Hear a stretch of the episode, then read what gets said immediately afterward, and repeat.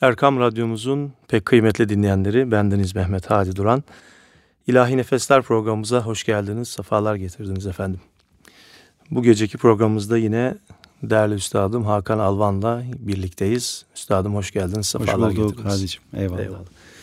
Geçen haftaki e, güzel sohbetimizin sonunda e, bu son yaşadığımız olayları e, tarikatlere, yani tarikatların tamamına e, daha doğrusu onlara vurmaya böyle vesile e, teşkil edecek şeylerden kaçınmamız konusunda Tabii. bir sohbetimiz öyle Eyvallah. bitirmiştik. Eyvallah. Yani isterseniz öyle de başlayabiliriz. yani bu konuyu biraz önemine binaen e, Eyvallah. tekrar Şimdi, zikretmekte fayda estağfurullah, görüyoruz. Bendeniz tasavvuf musikisiyle meşgul birisi olarak konuyla ilgili kaynakları çok okuyoruz mesleğimiz gereği. Şimdi şunu gördüm yıllardır.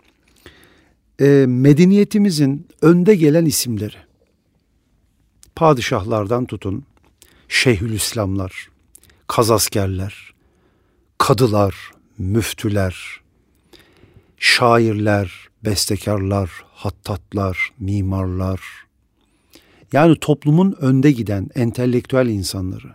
Bunların hayatlarına, biyografilerine baktığınız zaman bunların yüzde sekseninin, bakın yüzde sekseninin bir dergah terbiyesinden geçtiğini görüyorsunuz. Kesinlikle. 170 tane Osmanlı'da Şeyhülislam var. 170 Şeyhülislam. Bendeniz bugüne kadarki araştırmalarımda 80 tanesinin bir tasavvuf yoluna mensup olduğunu tespit ettim. Ki yani üstün körü bir araştırmayla ki teferruatlı araştırılsa bunların daha da fazla olduğu kanaatindeyim. Keza Şeyhülislamlık makamından sonra gelen en büyük ilmi paya kazaskerlik makamı. Yani Osmanlı ordusunun kadısı demek. Kazaskerlik, Anadolu kazaskeri, Rumeli kazaskeri diye ayrılıyor onlar. Bunların da aynı şekilde.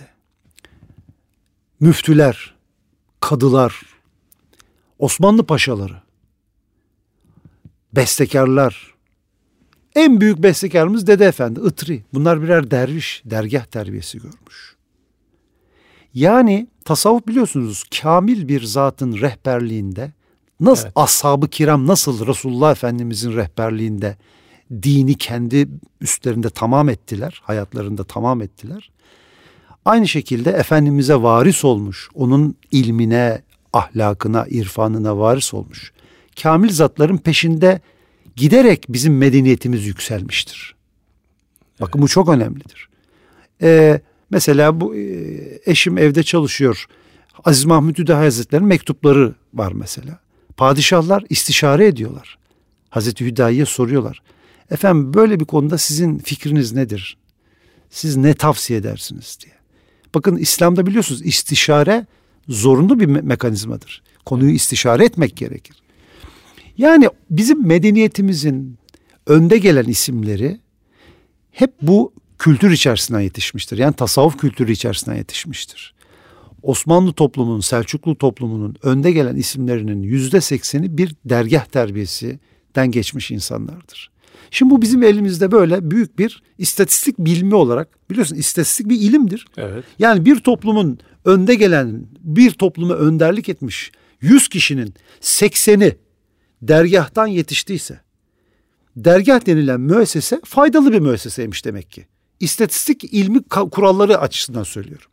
Değil mi? Denilme yanılma evet. metodu. Demek ki bu konu kötü bir konu değilmiş. Yani tarihi şuurunu kaybetmiş bir toplumu kandırabilirsiniz. İşte bir kişinin peşinden gitmeyin. Tabii ki birinin peşinden körü körüne o kişinin kim olduğunu bilmeden gitmek tabii ki aptallıktır. Evet. Ama bir kişinin bir kişinin hayatı senden daha iyi okuyabildiğine inanıyorsan ona danışmakta hiçbir sakınca yoktur. Evet. Ayet-i kerime var. Salihlerle beraber olun senden daha salih olduğuna inandığın bir insanın yanına gitmenin İslam'ın aykırı neresi var? Bu bu meseleyi halkımızın çok dikkat etmesi lazım.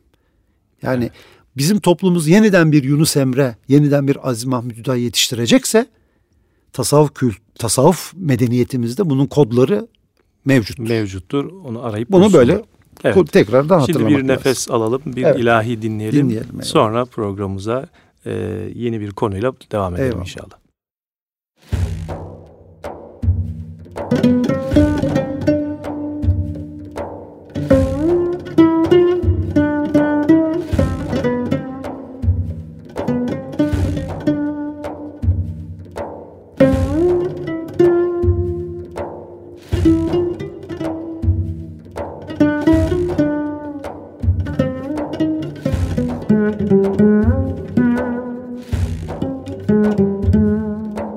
Música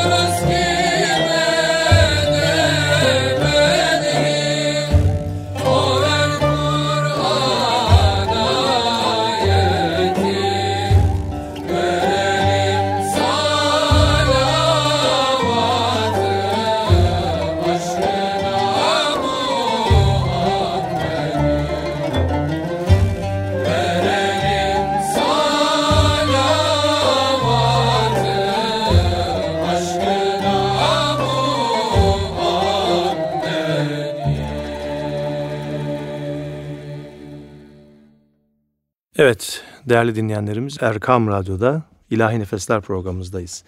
Değerli Üstadım Hakan Alvan'la birlikte musiki üzerine sohbetimiz devam ediyor. Daha doğrusu başlıyor. Önce Eyvallah. bir girizgah yapmıştık. Eyvallah. Şimdi e, sizin daha önceki programlardaki e, bahsetmiş olduğumuz Saz ve Söz Meclisi isimli çalışmanızda bir daha bir bölüm daha vardı. E, bu beste hikayeleri üzerine ve özellikle de bir başlık var. Servet-i Fünun şairi derviş olursa. Evet. Biraz önce zaten ilahiden evvel de siz e, bu konuya biraz temas ettiniz. Eyvallah. Evet bakın karşımıza çıkıyor yani. Evet. Şimdi Servet-i Fünun e, ekolü e, biraz e, kadim medeniyetten biraz ayrılmış, biraz batı etkisinde şiir yazmayı seven, daha akılcı, daha e, maddeyi öne alan bir e, şiir anlayışıdır. Servet-i Fünun şiir anlayışı. Evet. Servet-i Batı kültürüyle yetişmiş, Batı'nın değerleriyle yetişmiş bazı şairlerin oluşturduğu bir gruptur Servet-i Fünun şiirci şairleri. Hüseyin Siret Bey de bu grup içerisinde bir şair. Yani Osmanlı toplumunda yaşıyor ama dünya görüşleri daha batılı ki Fransız merkezli, Fransa merkezli daha batılı, daha maddeye yönelik e, pratikleri olan insanların oluşturduğu bir ekol bu serveti fünuncular. Şimdi Hüseyin Siret Bey ömrünün büyük bir kısmını bu şekilde geçirmiş. Hani bizim masivaya dönük yüzü deriz ya, işin masivaya dönük kısmıyla ilgilenmiş. Ama ne kadar batı kültürüyle değişse de bu toprakların insanı Gönlü, gönül biliyorsunuz gönül e, bazen ferman dinlemez. Evet. Gönlü demek ki kendi medeniyetinden kopamamış. Kendi medeniyetine dönüş çabaları başlamış Hüseyin Siret Bey'de. Kendi özünü bulma, kendi hakikatini bulma Necip gayretleri. Fazıl gibi. Necip Fazıl'ın Abdülhakim Avrasi ile tanışması gibi. Hüseyin Siret Bey de e, Osmanlı dönemi e, de Fatih Karagümrük'teki e, Nurettin Cerrahi Hazretleri'nin dergahının şeyhi Fahrettin Efendi ile tanışmış bu gayretleri sırasında. Fahrettin Efendi de edebiyattan anlayan, şiirden anlayan bizzat. Kendi de şair. Tabi aynı dili konuşabiliyorlar. Aşağı yukarı yaşları birbirine yakın. Yani mürit mürşit ilişkisi var ama karşıdan iki arkadaş gibi de görünüyorlar. Yaşları yakın. Sohbetleri şiir üstüne, şiir üstüne. Tabii Fahrettin Efendi şiir ve şiirin arkasındaki hakikate dair sohbetleri yönlendiriyor devamlı. Şiirden hakikat boyutuna çekmeye çalışıyor Hüseyin Siret Bey'i. Hüseyin Siret Bey bu toplan bu sohbetler sırasında e, maneviyata meylediyor. Hakikatin nerede aranacağını fark ediyor ve Hüs e, Fahrettin Efendi'nin e, manevi terbiyesi altına giriyor. Ve bu terbiye altına girdikten sonra budan önceki hayatını e, hayatında yanlış yaptığını anlıyor. O geçen zamanların e, çok e, verimli geçmediğini düşünüyor ve bunun üstüne çok bilinen bir şiir vardır Hüseyin Siret Bey'in. Bu şiir daha sonra Şükrü Tunar tarafından Hüseyin'i makamında bestelenmiş ve çok okunmuştur. Şimdi bu şarkı radyolarda, televizyonlarda yıllarca okundu. Kimse bunun güftesinin içeriğinin ne olduğuna dikkat etmedi aslında. Bizler bu hikayeyi duyunca Hüseyin Siret, şair Hüseyin Siret Bey'in Fahrettin Efendi ile tanışmasından sonra tasavvuf hayatına girmesi ve tasavvuf hayatı içerisinde daha önceki hayatına bir eleştirel bakışla bakması şiiri olduğunu bir sonradan öğrendik. Şiir ne diyor? İstersen sen oku önce bir şiiri. Geçti sevdalarla ömrüm. İhtiyar oldum bugün. Ak pak olmuş saçlarımla bir karar oldum bugün. Bir muhabbet neşesiyle ilkbahar oldum bugün. Ben huzurunda yer öptüm, tacı dar oldum bugün. Evet. Yani ömrünün boş sevdalarla geçtiğini söylüyor ve saçların akbak olduğunu, yaşının ilerlediğini söylüyor. Ama hiç beklemediği bir muhabbet pınarına rastladığını, o muhabbet pınarıyla akbak saçlarıyla akbak saçlarına rağmen bir bahar neşesi yaşadığını, hakiki kaynağı bulduğunu söylüyor. Hakiki kaynağa ulaştığını söylüyor. Maneviyat pınarına ulaştığını söylüyor.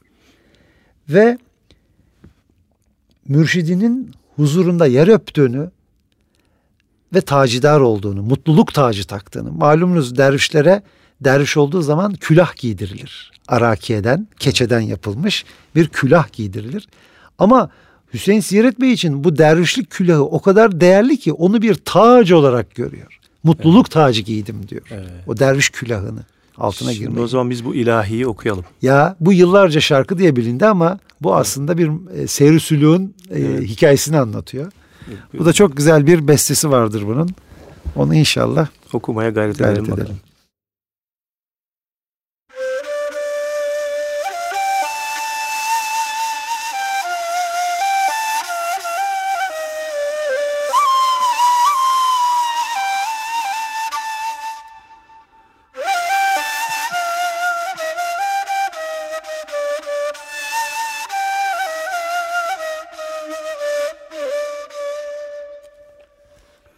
Geçti sevdalarla ömrüm ihtiyar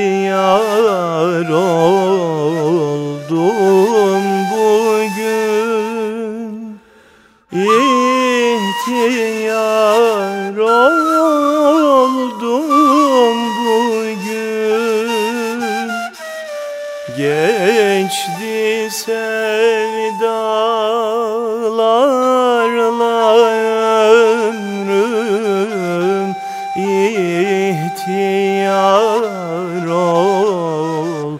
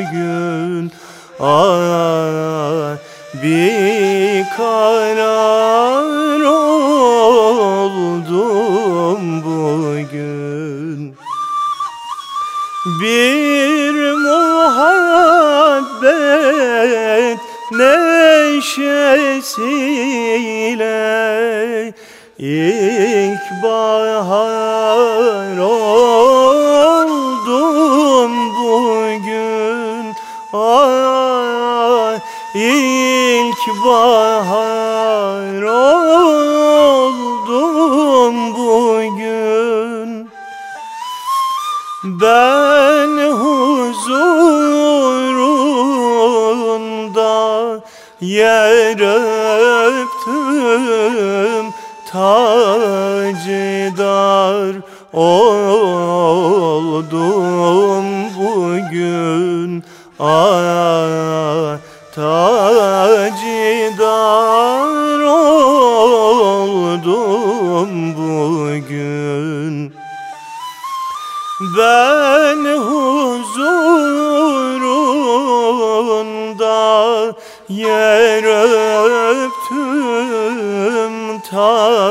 tacidar oldum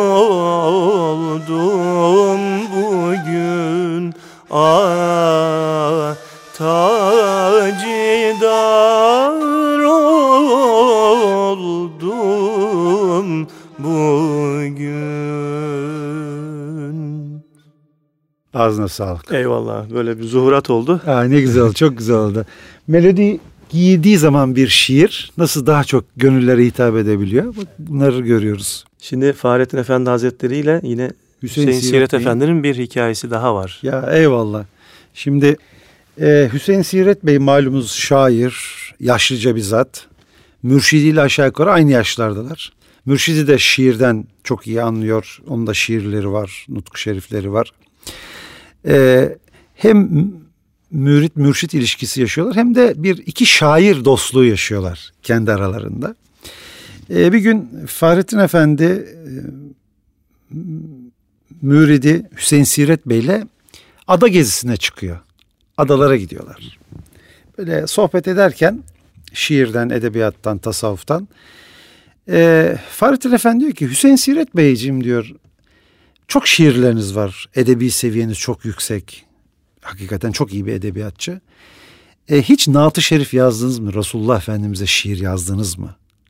Diyor Fahrettin Efendi.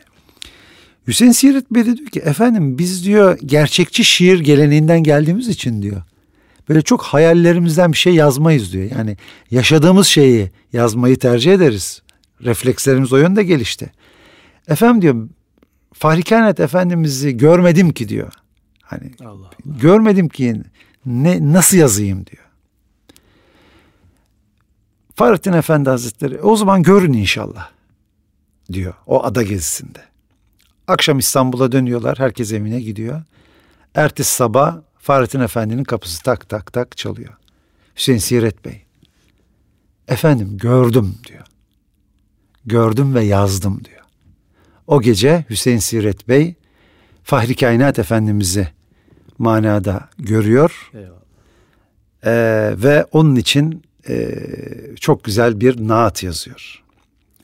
Bu naat-ı şerif e, inşallah okuyacaksın biraz evet, sonra. Evet. Bu naat-ı şerif yıllar sonra belki 50 yıl sonra e, Fahrettin Efendi'den tasavvuf terbiyesi almış, tasavvuf kültürünü öğrenmiş. E, Saferdal Efendi Hazretleri tarafından yıllar sonra besteleniyor bu evet. şiir. Yani böyle bir şey var, silsilesi var. Hüseyin Siret Bey yazdı, Fahrettin Efendi'nin teşvikiyle yazdı. Fahrettin Efendi'nin bir evladı bu şiiri besteledi ve biz bugün artık bu şiiri e, Seferdal Efendi Hazretleri'nin bestesiyle yaptığı melodilerle okuyoruz ve keyif ediyoruz. Allah razı olsun. Şimdi o zaman İnşallah e, senden dinleyelim şimdi. İnşallah. Buyurun Eyvallah. Efendim.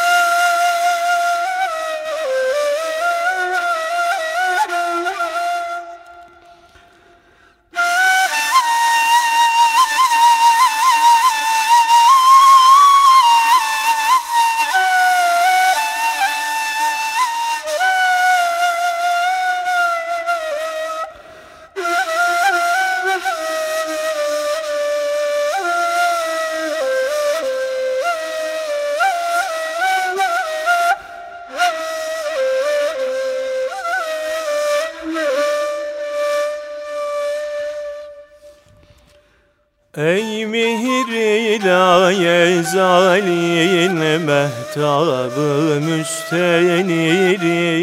Envarı kibriya ya sensin yegane mazhar.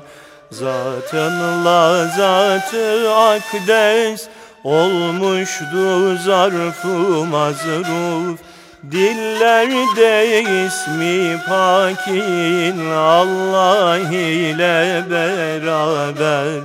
Sensin Nebi Ümmi Arif Kemali Hakka. Arif Kemali zatın Yalnız Hüdayi Ekber. Asrı saadetinde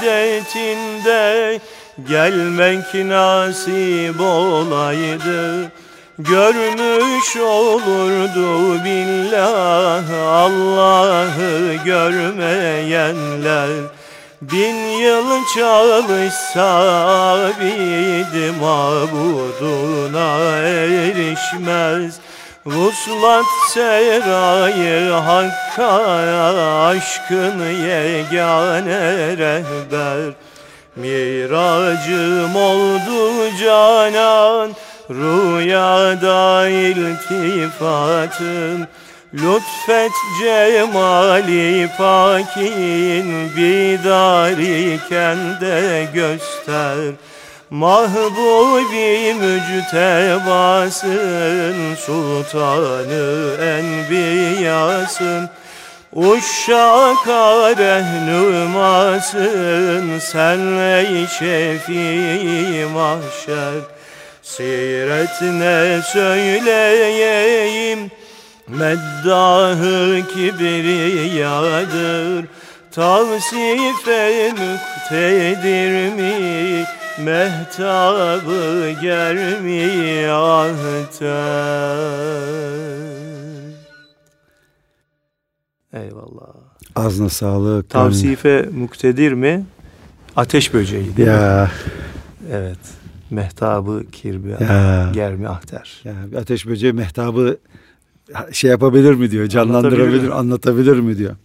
Şimdi mesela bu şiirde e, bazı sözler e, mesela e, dinleyenler için biraz ağır ve anlaşılmaz olabilir. Şunu söylemek isterim ben. E, asıl saadetinde gelmek nasip olaydı görmüş olurdu billah Allah'ı görmeyenler. Şimdi bu bazı ilahiyatçiler tarafından eleştirilebilir bu nevi sözler. Ben sadece şunu söylüyorum dostlarımıza. Ee, Sure-i Fethin ikinci sayfasında onların elinin üstünde Allah'ın eli vardı. Evet. Ayetinin bir tefsirlerini okusunlar. Veya onu sen atmadın Allah attı. Ayetinin tefsirlerini okusunlar.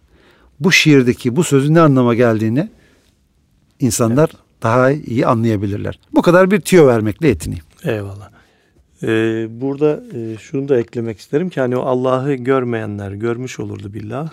Allah'ı görmeyenler yani hani Allah dostunun tarifi Allah'ı hatırlatan kimse. Tabii.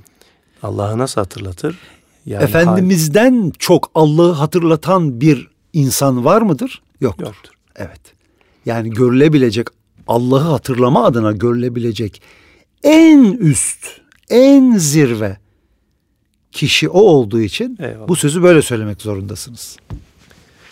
Şimdi e, bu sohbet güzel devam ediyor. Bir de e, çok meşhur. Daha önce bunu bir programımıza daha bahsettik ama e, bazen böyle tekrarlar konunun daha iyi anlaş, anlaşılması Bazen- için de Evet. e, bir vesile olur. Çok doğru şeyler zaten çok sık tekrar edilir. Edilmesi Beş vakit gerek. ezan dinliyoruz. Eyvallah.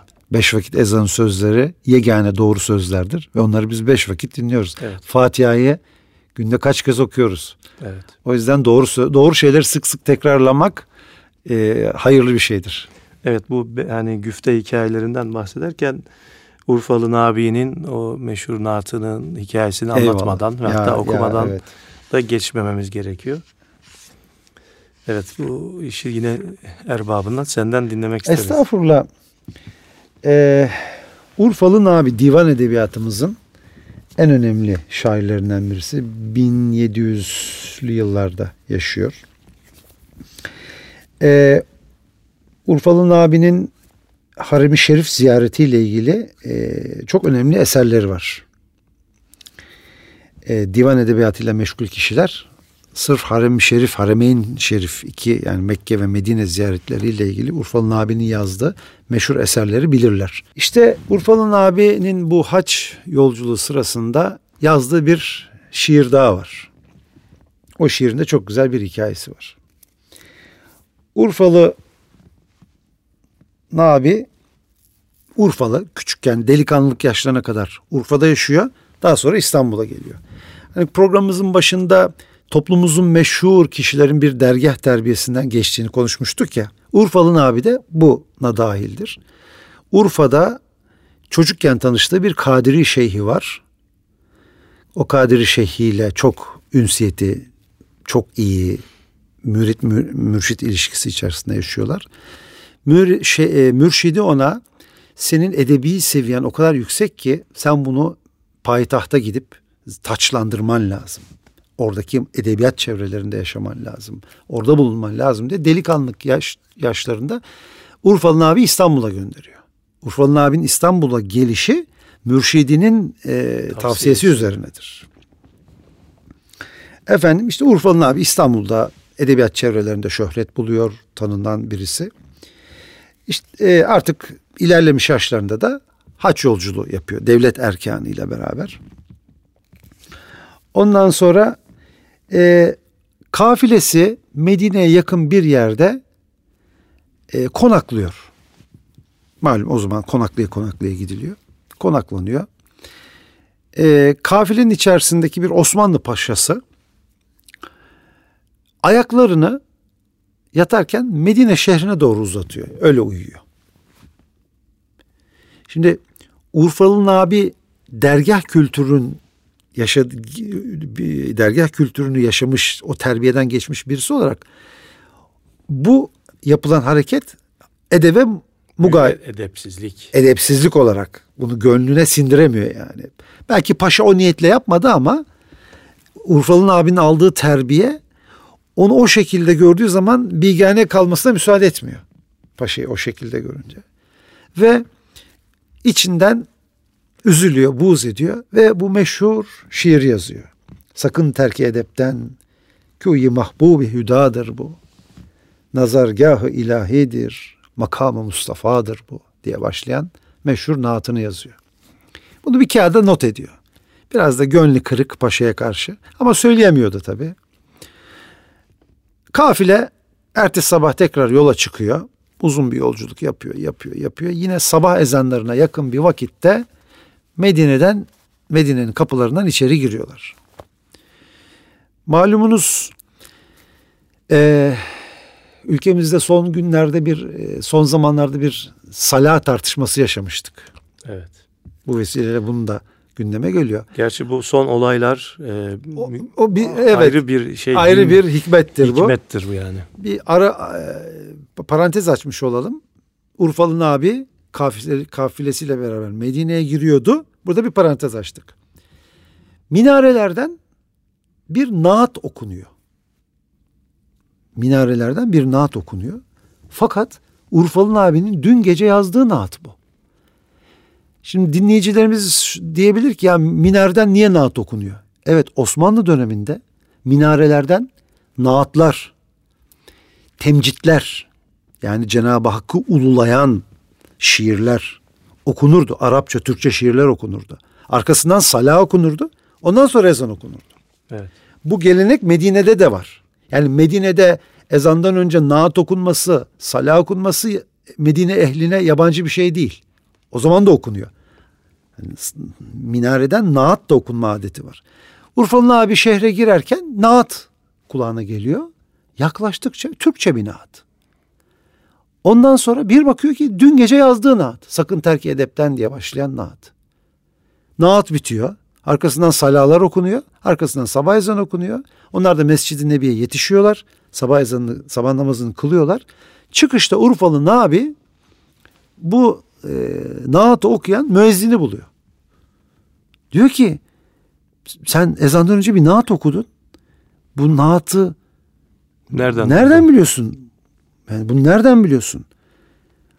Müezzin diyor ki dün gece rüyamda Fahri Kainat Efendimiz, sebebi hilkati alem Efendimiz bu naatı bana talim etti. Bunu oku. Benim ümmetimden Nabi, Nabi diye birisi gelecek. Onun naatıdır. Bunu, bu naatı ona oku dedi diye emrettiler diyor. Ve ben o yüzden okudum diyor. Urfalı Nabi tabi her şeye her şeyi fark ediyor. Sevinç gözyaşları döküyor. Çünkü Efendimiz manada benim ümmetimden Nabi gelecek Evet, böyle bir buyurmuşlar lütfa mazhar oluyor. benim ümmetimden bakın muhabbet, aşk, edep insanı bu dereceye yükseltir. Evet. Hani biraz önceki şiirde şey diyordu ya Hüseyin Siret Bey bin yıl çalışsa abid mabuduna erişmez. Vuslat sarayı hakka aşkın yegane rehber. Evet. Resulullah Efendimiz'e duyulan aşk, muhabbet insanı maneviyatta e, sonsuz yol aldırır. Rüyadaki iltifatta miracı oluyor. Rüyatta tabii zaten miracı da orada. Evet. Yani bakın e, Efendimizin hadis-i şerifi var. Birbirinizi sevmedikçe iman etmiş olmazsınız. Beni her şeyden fazla sevmedikçe imanınız kemale ermez. İmanın kemali Resulullah Efendimiz'i sevmektir. Yine ayeti kerime var. Şimdi mesela bu sohbetleri dinlerken şimdi bu Kur'ancılık e, şeyi başladı ya modası başladı ya şimdi. Kur'an talebeleri. Ya her türlü hadisi reddeden bir e, bir akılsızlık e, şeyi başladı ya adeti. Her şeyi akılla He, çözmeye çalışan. aslında akılsızlıktır bu. Evet. Bakın bir önce hadis-i şerifi nakletmeye çalıştım. Efendimiz buyuruyor ki birbirinizi sevmedikçe iman etmiş olmazsınız. Beni her şeyden fazla sevmedikçe imanınız kemale ermez. Şimdi hemen e, hadis düşmanı çevreler Aa, bu hadis şöyle böyle işte kaynağı belli mi acaba değil mi bir sürü. Bakın ayet-i kerime var. Peygamber müminler için kendi canlarından daha değerlidir. Hadi bakalım bu ayet bunu da inkar etsinler. Bu da ayet. O yüzden Efendimizin sevgisi, Efendimiz'e olan teslimiyet, muhabbet insanı maneviyatta sonsuz yüksek derecelere ulaştırır. Urfalı Nabi de bunu yaşamıştır. Bu şiirin hikayesi bu. Peki bunun bestesi nasıl olmuş? Günümüzün e, değerli musiki şinaslarından, bestekarlarından Hafız Amir Ateş hocamız bir ümre ziyaretinde Ravza-i Mutahhara'da Efendimizin mescidinde bu şiir gönlüne düşmüş ve bu şiiri bestelemiş. Evet. Bakın bu şiirin e, bu eserin bu ilahinin sözleri de o topraklarda zuhur etmiş. Namesi de melodileri de o topraklarda zuhur etmiş. Aliül Ala olmuş. Nurun Ala nur olmuş. Biz bu eseri Okumaya gayret çok edelim. Biz zevkle, de- keyifle okuyoruz. Bu eseri okumazdan önce e, bu eserle ilgili bir anımı paylaşmak isterim. Eyvallah. E, bu eseri e, değerli büyüğümüz devlet sanatçısı Ahmet Özsan Bey Konya Şebi Aruz törenlerinde bu hikayeyi de anlatarak seyirciye biraz önce arz ettiğim hikayeyi de anlatarak Konya'da Şebi Aruz törenlerinde Hazreti Mevlana'yı anma törenlerinde bu ilahi okurdu. Üst üste 10 gün üst üste okudu. Yine sahnede bu hikayeyi anlatıyor. Bu hikayeyi anlatırken de bir tamburi arkadaşımız vardır. Çok sevdiğim dostum Tamburi Özete Ayan. Evet. Bu hikayenin altına bir fonda böyle bir taksim yapıyor. Çok keyifli, zevkli, çok zevk sahibi, çok iyi bir tamburidir kendisi. Tambur taksim yapıyor. Ahmet abi bu ilahi bitirdi, esere girdi, okudu, bitti. Çıkıyoruz sahneden. Tamburi arkadaşım bana dedi ki, Hakan dedi, bana mı öyle geliyor yoksa hakikaten mi öyle? Şu mızrabı tuttuğu sağ elini, şu eli bir koklar mısın dedi. Misk ve gül karışımı bir koku kokuyor arkadaşımızın eli. Ama yani misk ve gül karışımı bir koku. Nasıl yoğun bir koku ama. Yani eline sanki misk ve gül yağı iki tane şey dökmüşsünüz. Öyle bir koku var elinde çocuğun. Kokladım. Evet kokuyor zaten dedim. Kulise girdik. Ya gelsene dedim bir arkadaşa. Sen de koklasana şu Özat'ın eli kokuyor mu dedim. Kokladı. Hayır kokmuyor dedi. Sonra ben de aldım. Evet yok koku yok. Biz bu ilahi icra ederken Konya'da böyle bir hadise yaşadık. Bu bana gerçektir, başkalarına yalan olabilir. Ama bana gerçektir. Evet. Önemli olan da o zaten. Evet. Sana bana gerçek gerçektir olması. bu. Başkalarına buna inanmak zorunluluğu yoktur yani. Tabii ki. Ama biz bunu yaşadık ve bundan keyif ettik elhamdülillah. Bu ilahinin sözü de melodisi de hakikaten e, zuhuratla evet. açığa çıkmıştır. Biz buna böyle inanırız, böyle de keyif ederiz bu ilahi. O zaman biz de bir zuhuratla okumaya gayret İnşallah. edelim. Eyvallah. İnşallah dinleyenlerimiz de biz de bir keyif alalım. Eyvallah.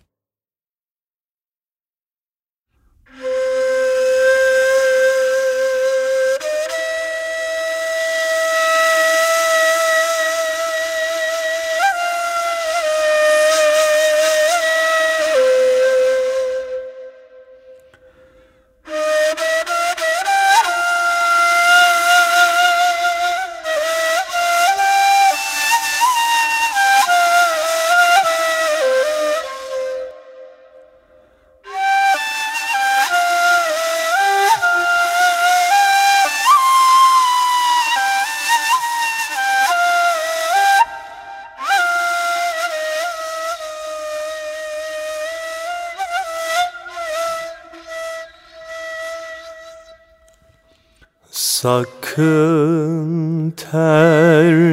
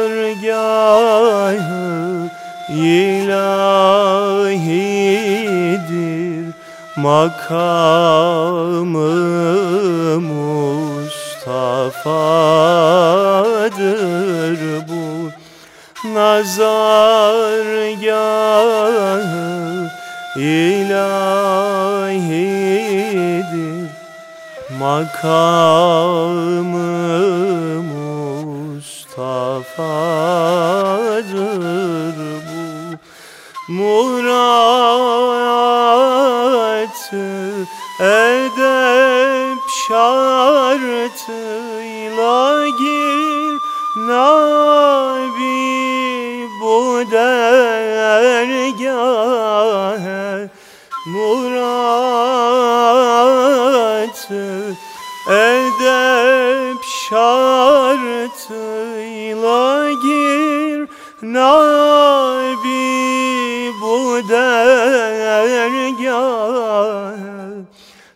metafı kutsiyandır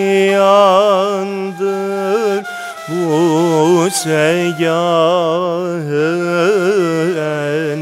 biyadır. Bu metafı kutsiyandır bu segahın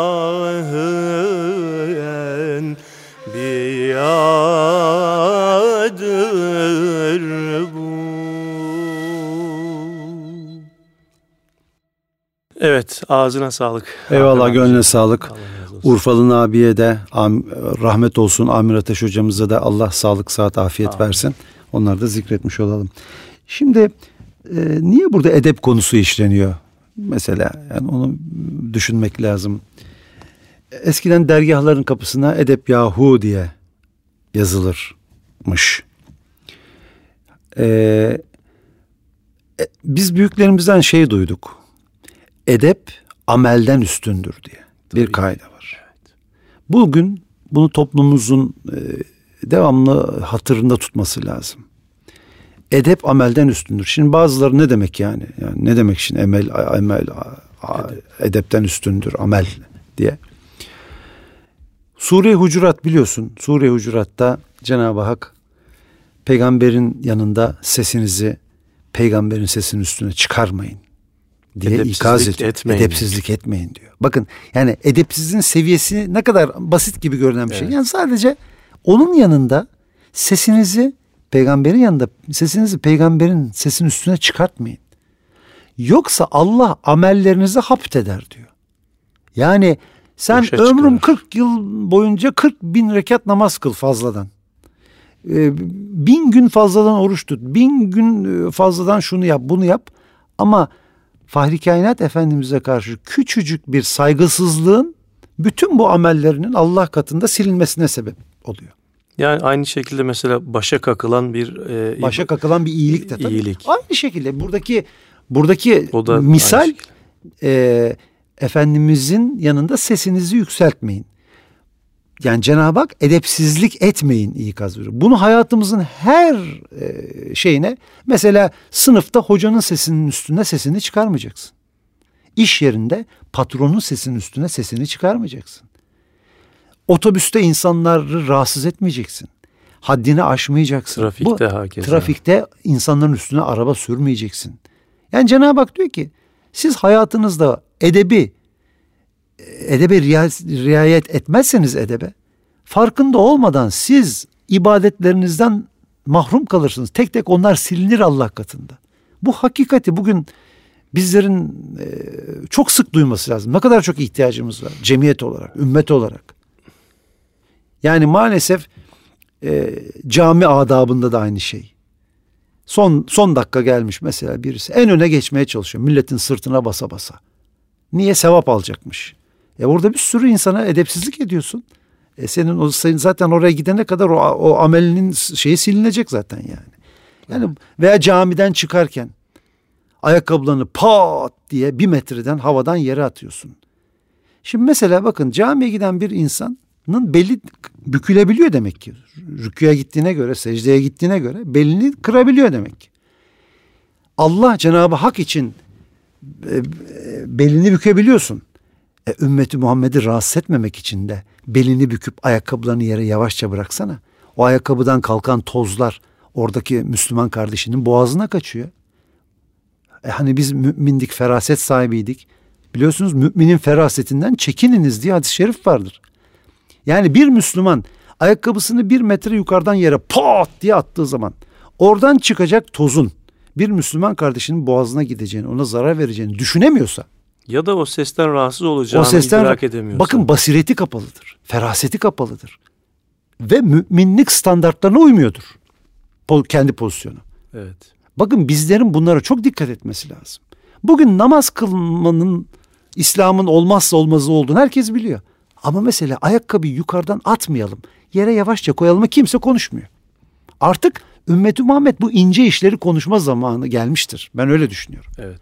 Biz bu ince meseleleri konuşmazsak yeniden bir medeniyet ortaya koyamayız. Islak ayakla çoraplı çorapsız Bizim bizim şekilde, hayatımız evet, başkalarına cazip gelmez. Evet. Nazik, kibar olmazsak gelmez. Evet. Nam beş vakit namazın kılınacağını, camide cemaatle kılınacağını, abdestli kılınacağını bilmeyen insan yoktur.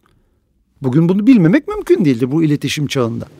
Ama ön saflara geçerken başkalarını rahatsız etmemek, ayakkabını giyerken, ayakkabını yere koyarken başkalarını rahatsız etmemek, şadırvanda abdest alırken, affedersiniz şahsi temizlik yapar gibi sesler çıkartmamak. Bakın bunlar bizim medeniyetimizin medeniyetimizin gizli şifreleri buralarda. Bakın size bir e, bir hadise naklettiğim. E, Nazmi Baba diye bir zat vardı Eyüp Sultan'da yaşayan. Babası babası e, bir Kadiri Şeyhi bir zat. Bu e, büyüğümüz 90'lı yıllarda 80 yaşında vefat etti. O bize demişti ki babamdan yani Şeyh Efendi, Kadiri Şeyhi, Eyüplü bir Şeyh Efendi babamdan ömrüm boyunca iki kez tokat yedim evladım dedi. Nasıl oldu Nazmi Baba dedik. Bir tanesi dedi İstanbul işgal altındaydı. Bizler İngilizlerin silah depolarından gece silah çalardık. Eyüp Sultan'ın sırtlarındaki dağlarda İngilizlerin silah depoları vardı. Oradan silah çalardık. O silahları tabutlara koyardık. Eyüp Sultan'ın şeyine getirirdik camiye. Musalla taşlarına her gün dört tane tabut koyardık. Üstünde örtülü. Millet zannederdi ki cenaze var. Cenaze namazı kılardık. Mahsuzcuktan. Halbuki içinde silah var. Kayıkla onları Üsküdar tarafına götürür Anadolu'ya gönderirdik. Anadolu'daki milli mücadeleye destek olmak için. Yıllar İstanbul e, işgali sırasında iki yıla yakın ben bu görevi yaptım diyor Nazmi Baba. Ve işte memleket kurtuldu, felah erdik. Bize istiklal madalyası vereceklerini söylediler valilikten. Beni de çağırdılar diyor. Ben delikanlıyım o zaman. Gittim diyor. Madalya aldım. Madalyayı da ceketimin üstüne taktım. Eve geldim diyor. Babamın yanına. Kadiri Şeyhi bizzat babası. Bu ne demiş evladım? E baba demiş biz işte hani harp sırasında silah kaçırdık ya Anadolu'ya gönderdik. İşte onun için madalya verdiler. Bana bir tokat attı babam diyor. Çabuk çıkarın oradan. Sen o hizmeti madalya için mi yaptın? Utanmıyor musun onu takmayı diye bana bir bağırdı bir de tokat attı diyor. O birinci tokadım budur. İkinci tokadım Eyüp Sultan Camisi şadırvanında abdest alıyorum. Delikanlıyım. Babam da yanımda abdest alıyor. Affedersiniz ben burnumu ve genizimi yüksek sesle temizledim. çıkartarak temizledim diyor. Babam abdest alırken bana bir tokat vurdu diyor. Sen Hazreti Halid'in huzurunda, ümmeti Muhammed'in huzurunda bu şahsi temizliğini yapmaya utanmıyor musun diye. Bana bir bağırdı diyor. Ömrüm boyunca babamdan iki tokat yedim diyor. Evet. Bakın bu iki hadisede de medeniyetimizin irfanının o kadar çok şey gizli ki. Evet. Bugün bizim bunlara ihtiyacımız var. Bendenizin eşimin e, büyük anneannesi eşi Çanakkale'de şehit olmuş. Devlet maaş bağlamış büyük anneanneye. Zarfı getirip vermişler. Bu kağıtla bankadan maaş alabilirsin diye. Sakın evladım ben onu alırsam onun şehitliği zarar görür, halal gelir ben sakın alamam diye reddetmiştir. Evet. Bir şehit hanımı. Bakın bizim milletimizin irfanı buralarda gizlidir. Bizim bugün bunlara ihtiyacımız var. Evet. Elhamdülillah bundan 5-6 sene önce Abant'ta bir köylü teyzelerden alışveriş yapmıştık. Teyze şundan şundan şundan ver dedim işte köy ürünleri satıyorlar. Evladım bu yandaki teyzende de aynısı var. O sifta etmedi ondan alıver evet. dedi bir teyze bana. Evet ben de aynı şekilde orada şahit İşte oldum. işte bizim bu kodlarımıza geri dönmemiz lazım. Evet. Allah hepimizi bu irfana ulaştırsın, eriştirsin. Allah razı olsun. Bizim artık cemiyet olarak, Müslüman olarak bu bilgileri, bu konuları aramızda çok konuşmamız lazım. Kesinlikle. İslam'ın beş şartını herkes biliyor yapılması gerektiğini herkes biliyor. Ama bunları maalesef hafızamızdan sildiler bizim. Bu ince İn, ince Müslüman olabilmeyi öğrenmemiz. Aa, evet. Yani o bunun, yüzden bunun yolu da herhalde biraz tasavvuf terbiyesinden geçiyor evet. değil mi? Çünkü bunu yapan numune görmeniz lazım karşınızda. Evet. Bunu yapan numune görmeniz lazım. O numuneler azaldıkça bu davranışlarımızda hayatımızdan çekip İnşallah bu numuneleri Yüce Rabbim arttırsın. arttırsın Bunlardan da feyiz alabilenlerden eylesin. E, eylesin. Amin, evet. Amin, bu evet. efendim e, değerli üstadım Hakan Alvan'la İlahi Nefesler programımızdaydık. Şimdi güzel bir eserle e, programımız nihayete eriyor. Allah'a emanet olun efendim. Çok teşekkür ediyoruz. Sağ olun, var olun.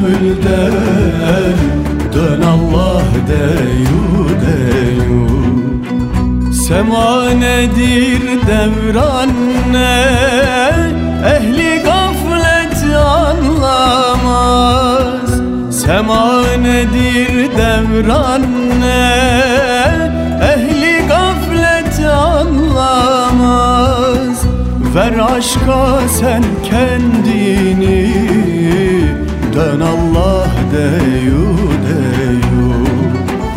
Ver aşka sen kendini.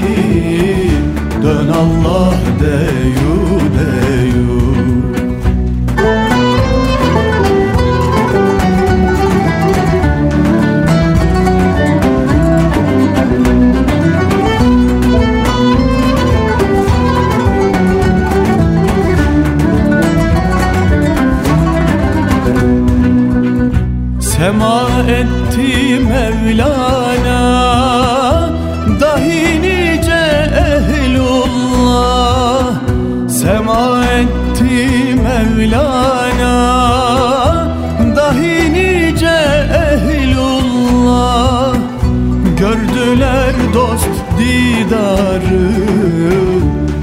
Allah deyu deyu.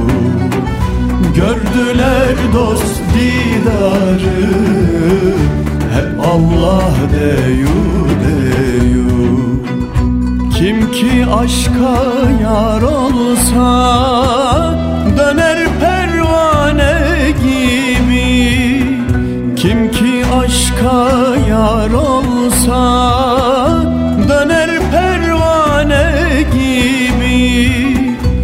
Varır ol dost şehrine Allah bul deyu deyu.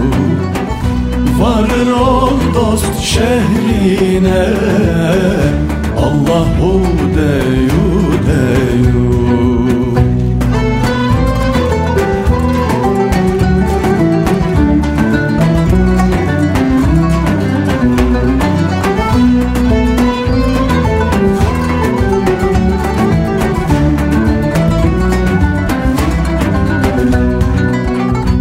Aşk insanı döndürür Cehennemi söndürür. Aşk insanı döndürür Cehennemi söndürür. Varırlar ta menzile Allahu deyu deyu. Varırlar ta menzile Allahu deyu deyu. Dön sıddık hak aşkıyla Sen de gir bu meydana. Dön sıddık hak aşkıyla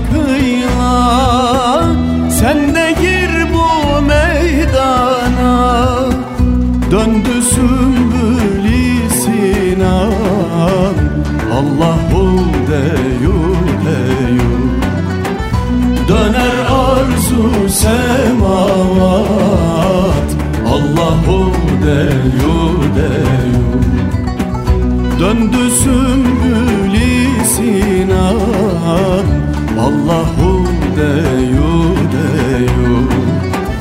Döner arzu semavat